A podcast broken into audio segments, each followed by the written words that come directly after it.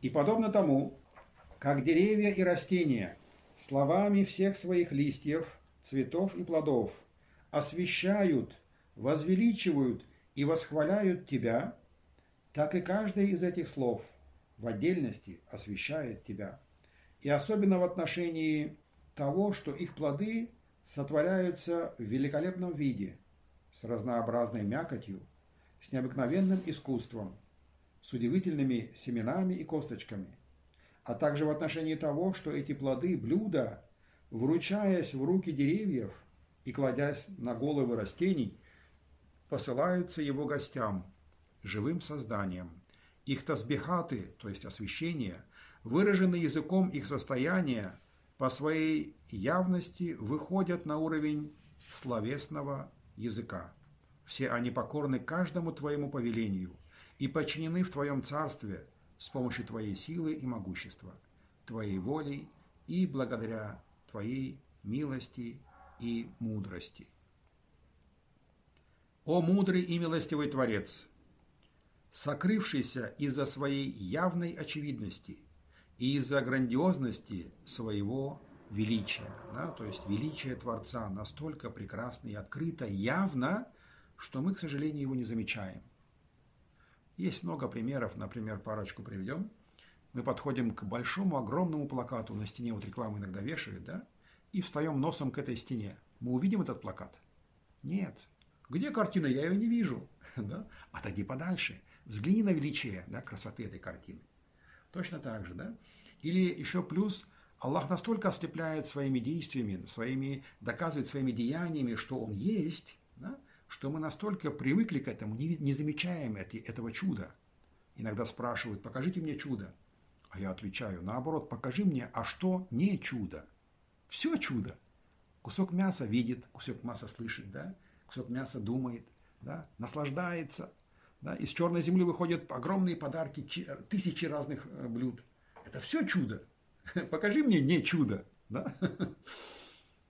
Так вот, о милостивый Творец, сокрывшийся из-за своей явной очевидности и из-за грандиозности своего величия, языками и по количеству всех листьев, цветов и плодов – всех деревьев и растений, возвеличивая тебя от недостатков, бессилия соучастников, я благодарю и восхваляю тебя.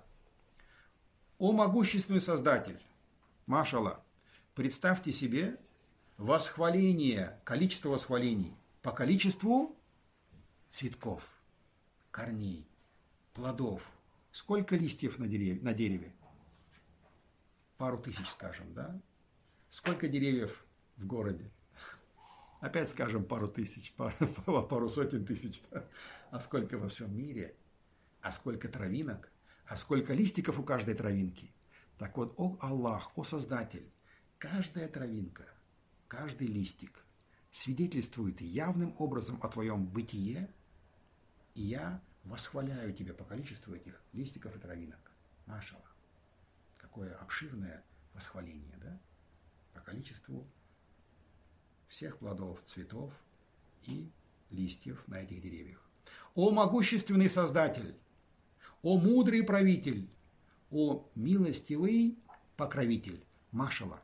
Три прекрасных имени, имени было упомянуто. Могущественный Создатель. Он могущественный? Мы это видим? Видим.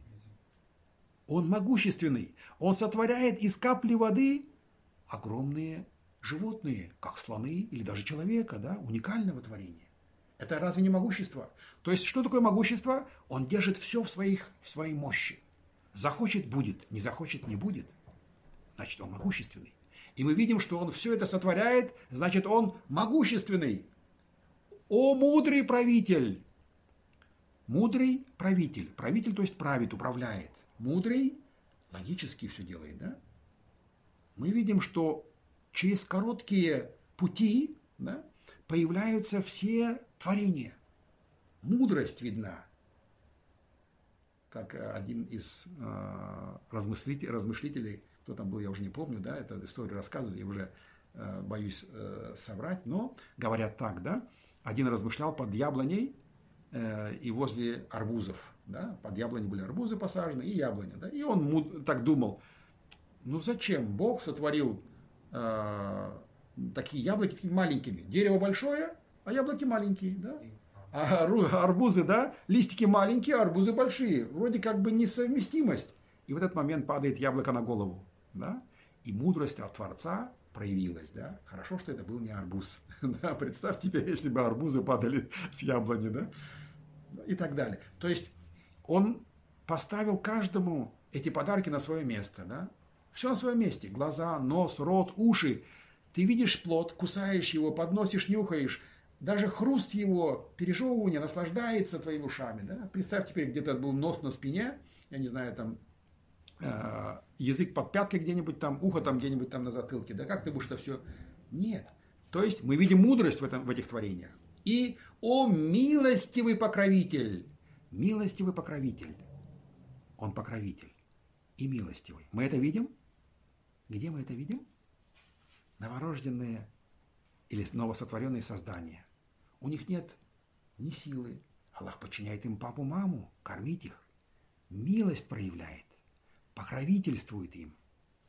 Каждой букашке, каждому, каждому растению.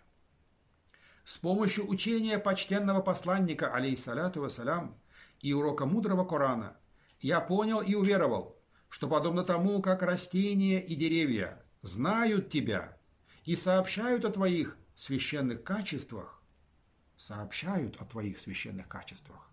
Все растения и деревья, то есть Творец, да, украшающий, дающий запахи, цветы, пропитающий, дающий жизнь, да, сохраняющий хафыз и так далее. То есть они знают тебя и показывают и качества, и прекрасные имена, так и среди таких созданий, как люди и животные, которые среди живых творений обладают душой.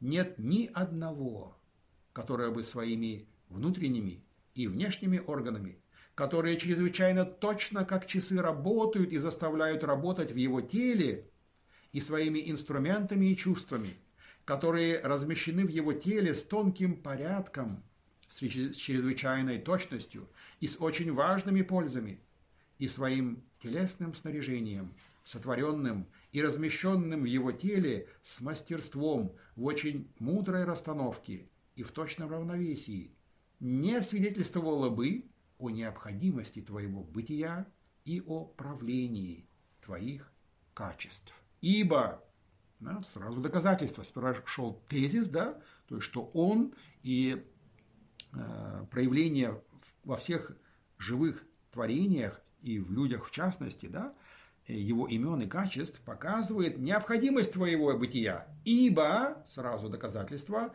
конечно же, в настолько предусмотрительное ювелирное искусство, в настолько разумную, тонкую мудрость и предусмотрительное, точное равновесие не может вмешаться слепая сила, неразумная природа и беспутная случайность. Это не может быть их работой, это невозможно.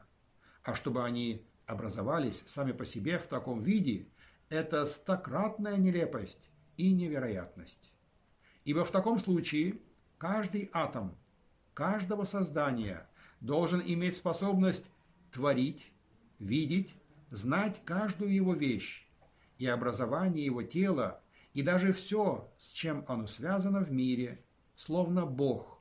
Он должен иметь некое всеохватывающее знание и могущество. И после этого ему можно будет передать сотворение тела, и можно будет сказать, происходит само по себе. Да? То есть в книге «Сияние», э, брошюра о природе, мудро доказывается, что ни причины, ни само по себе, ни природа, а только Творец может создать любое творение. И в совокупности этих созданий проявляется единство управления. Вот что важно, да? Тевхид. Одна из часть Корана.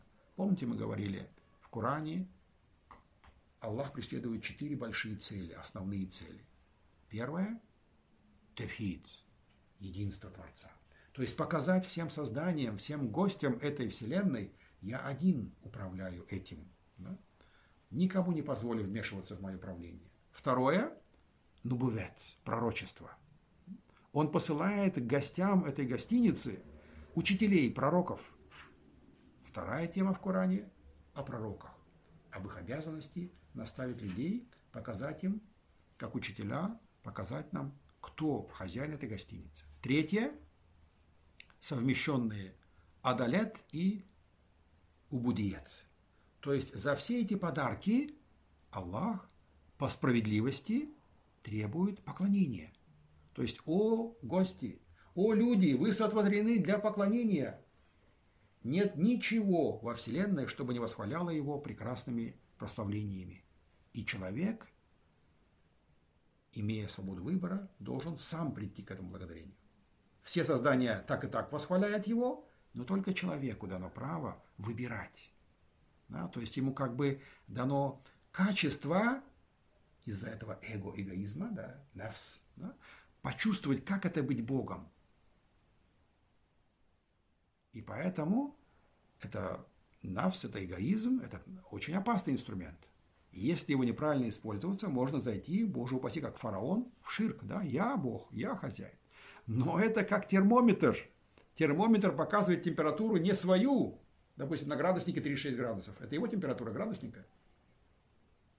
Нет. Он меряет окружающую среду. Правильно? Точно так же наш навс, да, я хозяин, я хочу, я могу, да? Это как термометр. Я ничего не могу. Ну, если Аллах не даст мне силы, я не смогу даже встать с этого места. Значит, я просто измеряю качество имена Творца и для познания Его невидимого, скрытого.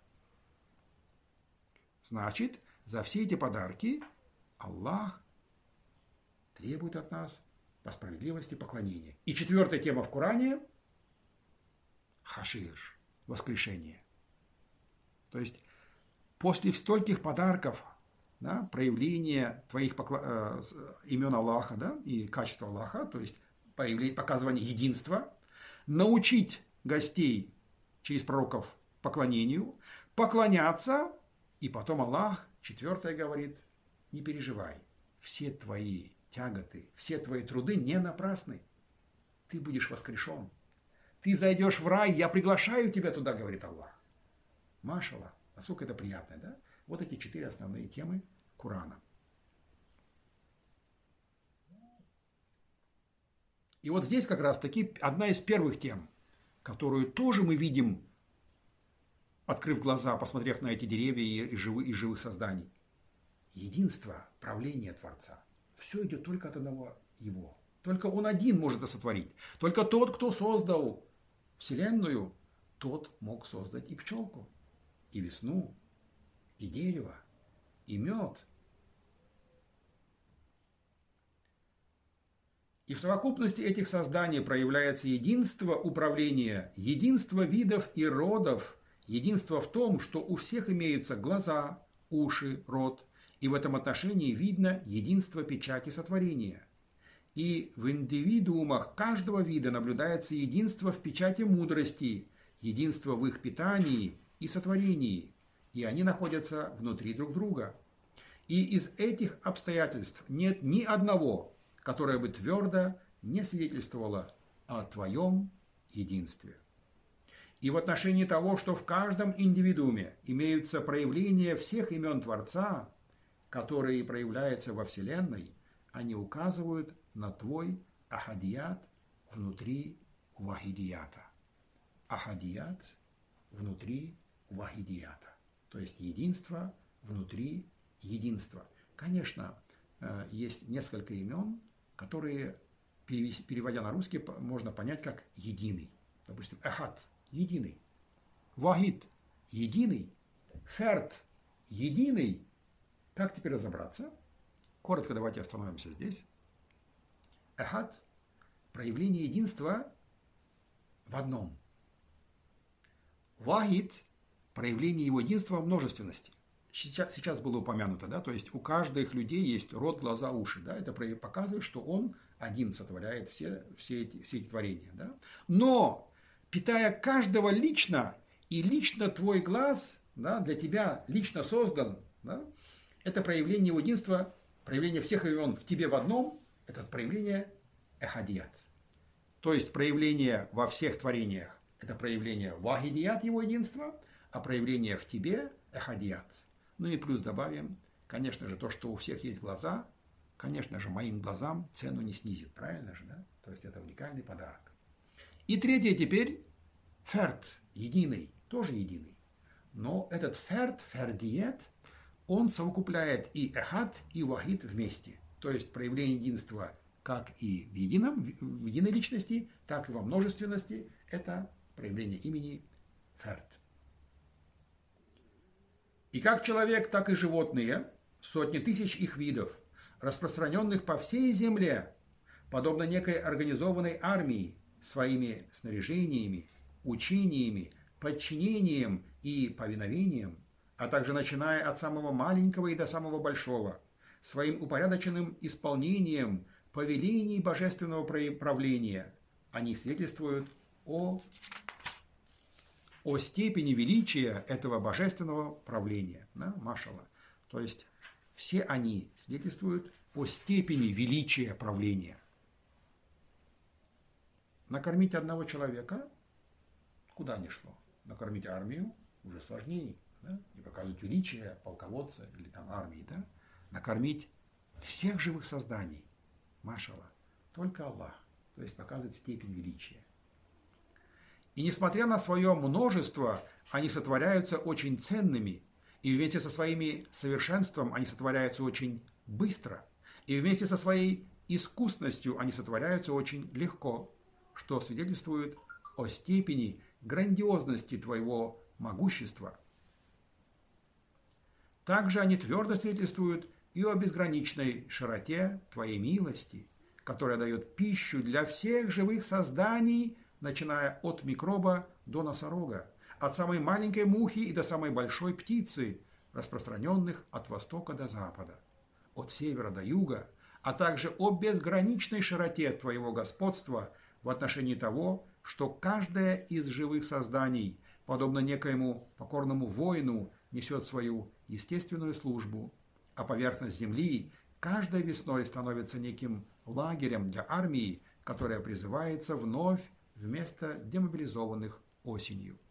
И подобно тому, как каждое из живых созданий, представляя собой некое маленькое подобие и уменьшенный пример Вселенной, своим сотворением с очень глубоким знанием и с весьма тонкой мудростью, создаваясь безошибочно, безупречно, без смешивания смешанных элементов и разнообразного множества форм всех живых существ.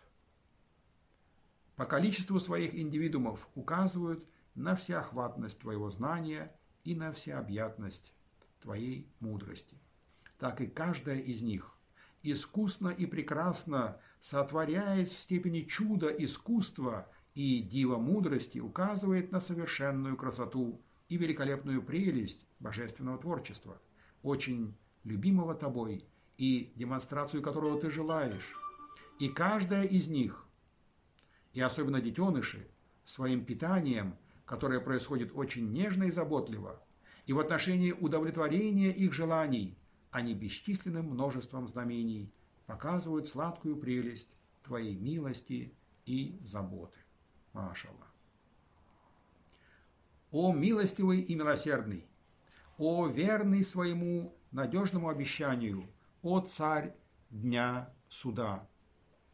С помощью учения твоего почтенного посланника, алейхиссаляту вассалям, и благодаря наставлению на путь истины твоего мудрого Корана я понял, что поскольку самой избранной целью во Вселенной – является жизнь. С помощью учения твоего мудрого почтенного посланника, алисату салям, и благодаря наставлению на путь истины твоего мудрого Корана, я понял, что поскольку самой избранной целью, цель в этой вселенной, понимаешь, избрал кто-то, творец имеется в виду, избрал жизнь. Почему? Является жизнь. И самым избранным итогом жизни является душа. Да? То есть мы видим, что все, весь мир работает ради живых существ. Да? Все растения протягивают руку животным помощи, да? животные нам. Да? А вся эта суть в чем, если у этого животного будет душа, то есть у человека, да, душа. И самой избранной частью живых созданий, обладающих душой, является разумное создание. Да? То есть, скажем, спилить дерево мы можем как бы ну, не совсем пожалев, да, потому что мы знаем, что у него нет души. Но когда мы режем животное, уже немножко, э, как бы сказать, ну не то чтобы пугаемся, как-то уже какая-то ответственность. Ответственность. Почему? Потому что у него есть душа. Да, у растений это первый уровень жизни, у них нет души. У животных есть душа. И уже когда мы режем животное, уже немножко нам и больно, и жалко, потому что у них есть более ценная вещь. Перланта – душа. И среди тех, у кого есть душа, те, кто с разумом, то есть люди, попробуй человека зарежь. Вообще невозможно, да? Почему? Потому что у него есть разум. Он контролирует эту душу. То есть он еще более ценней, ценней по сотворениям, правильно же? Вот к чему это ведется. То есть разумные создания. И самым содержательным среди разумных созданий является человек. Да, то есть джинны тоже разумные создания. Но самым, самым ценным является человек. И поскольку вся Вселенная подчинена жизни и работает для нее, а живые творения подчинены созданиям, обладающим душой, и для них посылаются в этот мир, а создания с душой подвластны людям, помогают им, и поскольку люди по своей природе очень любят своего Творца, а их Творец и любит их, и через каждую причину дает им полюбить себя, и способности, и духовные инструменты человека обращены к некоему иному, вечному миру, и к некой вечной жизни, и сердце и создание человека всеми, извиняюсь, и сердце и сознание человека всеми силами желают вечности, и его язык бесчисленным множеством просьб взывает к Творцу о вечности, то, конечно же, без воскрешения, уничтожив этих очень любящих Творца и любимых им людей, невозможно и нельзя обидеть их некой вечной ненавистью, в то время как они сотворены для некой вечной любви. Напротив, чтобы счастливо жить в ином вечном мире, они направлены сюда, чтобы трудиться здесь и обрести тот вечный мир. Машала. Да? То есть Аллах не уничтожит нас. Просто не, это противоречило бы всей логике и мудрости. Почему? Мы видим два-три предложения. Смотрите, доказательства этому. Такие простые, оказывается. Благодаря Салей Нур мы можем понять эти доказательства. Решатат. Да? То есть мы видим, что при любой возможности Аллах показывает свою любовь к нам, правильно же? различными цветочками. Посмотрите на разные цветы. Ради кого они стоят там? Ради коровы? Ради овечки? Нет, они, а корова скажет, му и съест этот, съест этот прекрасный цветочек. Они да фини, это, ну, это красота этого цветка. То есть для разумных людей, для нас. Не для, не, для самого, не для самого же самого себя же этот цветочек делает, стоит этой красотой. Да? Значит, Аллах через эти цветы показывает любовь к нам. Или, например, различные виды явств, угощений, которые может измерить этот язык, кусочек мяса. Опять же показывает, что он мог бы нам дать, как и корове, кушать только зеленую траву и все. Нет же. Да? Связав этот язык и органы вкуса с душой, с разумом, да, с желудком, дает нам как дегустаторам насладиться божественной кухней великого Творца, чтобы попробовать и вкусить тень тени наслаждений, которое ждет нас в раю, чтобы стать покупателем тех подарков. То есть мы видим, что через любые возможности он хочет показать свою любовь и хочет быть любимым. И тут, представьте, мы бы не пошли в вечность. Любили мы, мы бы тогда его? Нет, мы бы его ненавидели. То есть дал нам вкусить и уничтожил. Что это за угощение? Я тебя угощаю, вот, ты знаешь, не переживай, вот э, виселица, я тебя сейчас повешу там через пять минут. Что это за гостеприимство? То есть тогда человек бы с самого начала ненавидел бы Творца, Боже упаси. Аллах не хочет этого. Значит, вечность есть, И Он приглашает нас туда. И чтобы не сделать гостей сразу, оби, не обидев их, э, скажем, против себя не настроить, враждебно, он говорит через всех пророков, через все святые книги, вас ждет вечная жизнь, вы создан для нее. А здесь вы чтобы заработать ее. И божественные имена своими проявлениями, отражающимися на человеке в этой смертной и короткой жизни, указывают на то, что люди, являющиеся зеркалами этих имен, в вечной жизни удостоятся их вечных проявлений. Машала. Люди, являющиеся зеркалами этих имен, имен и качеств Аллаха, в вечной жизни удостоятся их вечных проявлений. Да, верный друг вечного будет вечным, и разумное зеркало вечного должно быть вечным. Каждый из нас сегодня минимум пару раз подошел к зеркалу. Ради чего? Посмотреть, какой толщины стекло в зеркале? Мы даже не думали о нем, правильно? Куда, на кого мы смотрели? На себя прекрасного, да? Какой я красивый, да? Какой я прекрасный. О стекле даже не думали. Стекло так вот, зеркало, как стекло, она автоматически вынуждена стоит ровным, гладким и чистым. Ну, иногда нужно ее пыль чтобы себя хорошо увидеть. Человек же является зеркалом отражения имен, качеств и, и Творца. Имен и качеств Творца. И мы из-за свободы выбора должны, как и это зеркало, сделать теслим, проявить покорность, держать свое зеркало ровным и постоянно его чистить. Молитвой о прощении, показывать красоту, двигаться. Например, Аллах говорит через пророка салям, иман или ислам, половина из него чистота. Значит, будь чистым. Не только материально, но и духовно. Очищайся. Покажи, чтобы имена Аллаха через твое зеркало проявлялись чистыми, красивыми. Очищай свое намерение. Очищай свои поступки. Очищайся от грехов. Очищайся материально, умывайся. Вторая половина – сабр, терпение. Проявляй терпение. Ты зеркало. Если тебя труд там, щеточкой, терпи. Если Аллах посылает тебе болезнь, трет тебя, твои косточки перемалывает, да, проверяет твою, тебя на терпение, на благодарность, терпи. Проявляй ты слим. И жди своего часа. И за это ты будешь награжден в раю.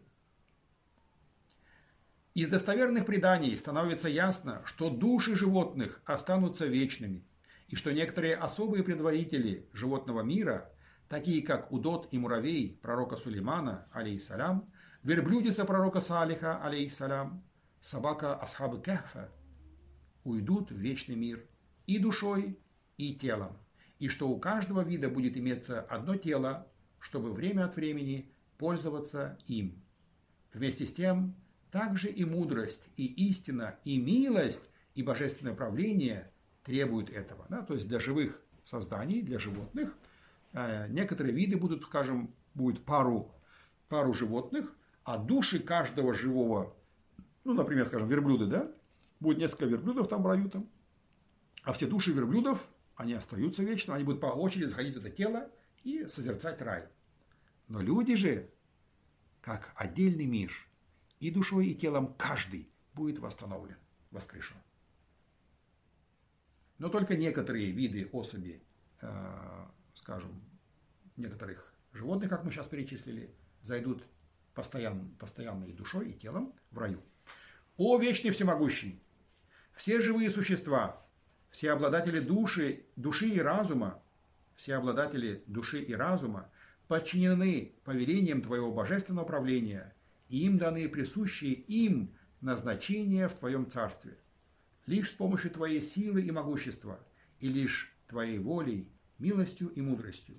И некоторая часть их подчинена человеку не из-за его силы и превосходства, а со стороны божественной милости, из-за присущей ему, то есть человеку по его природе, слабости и бессилия.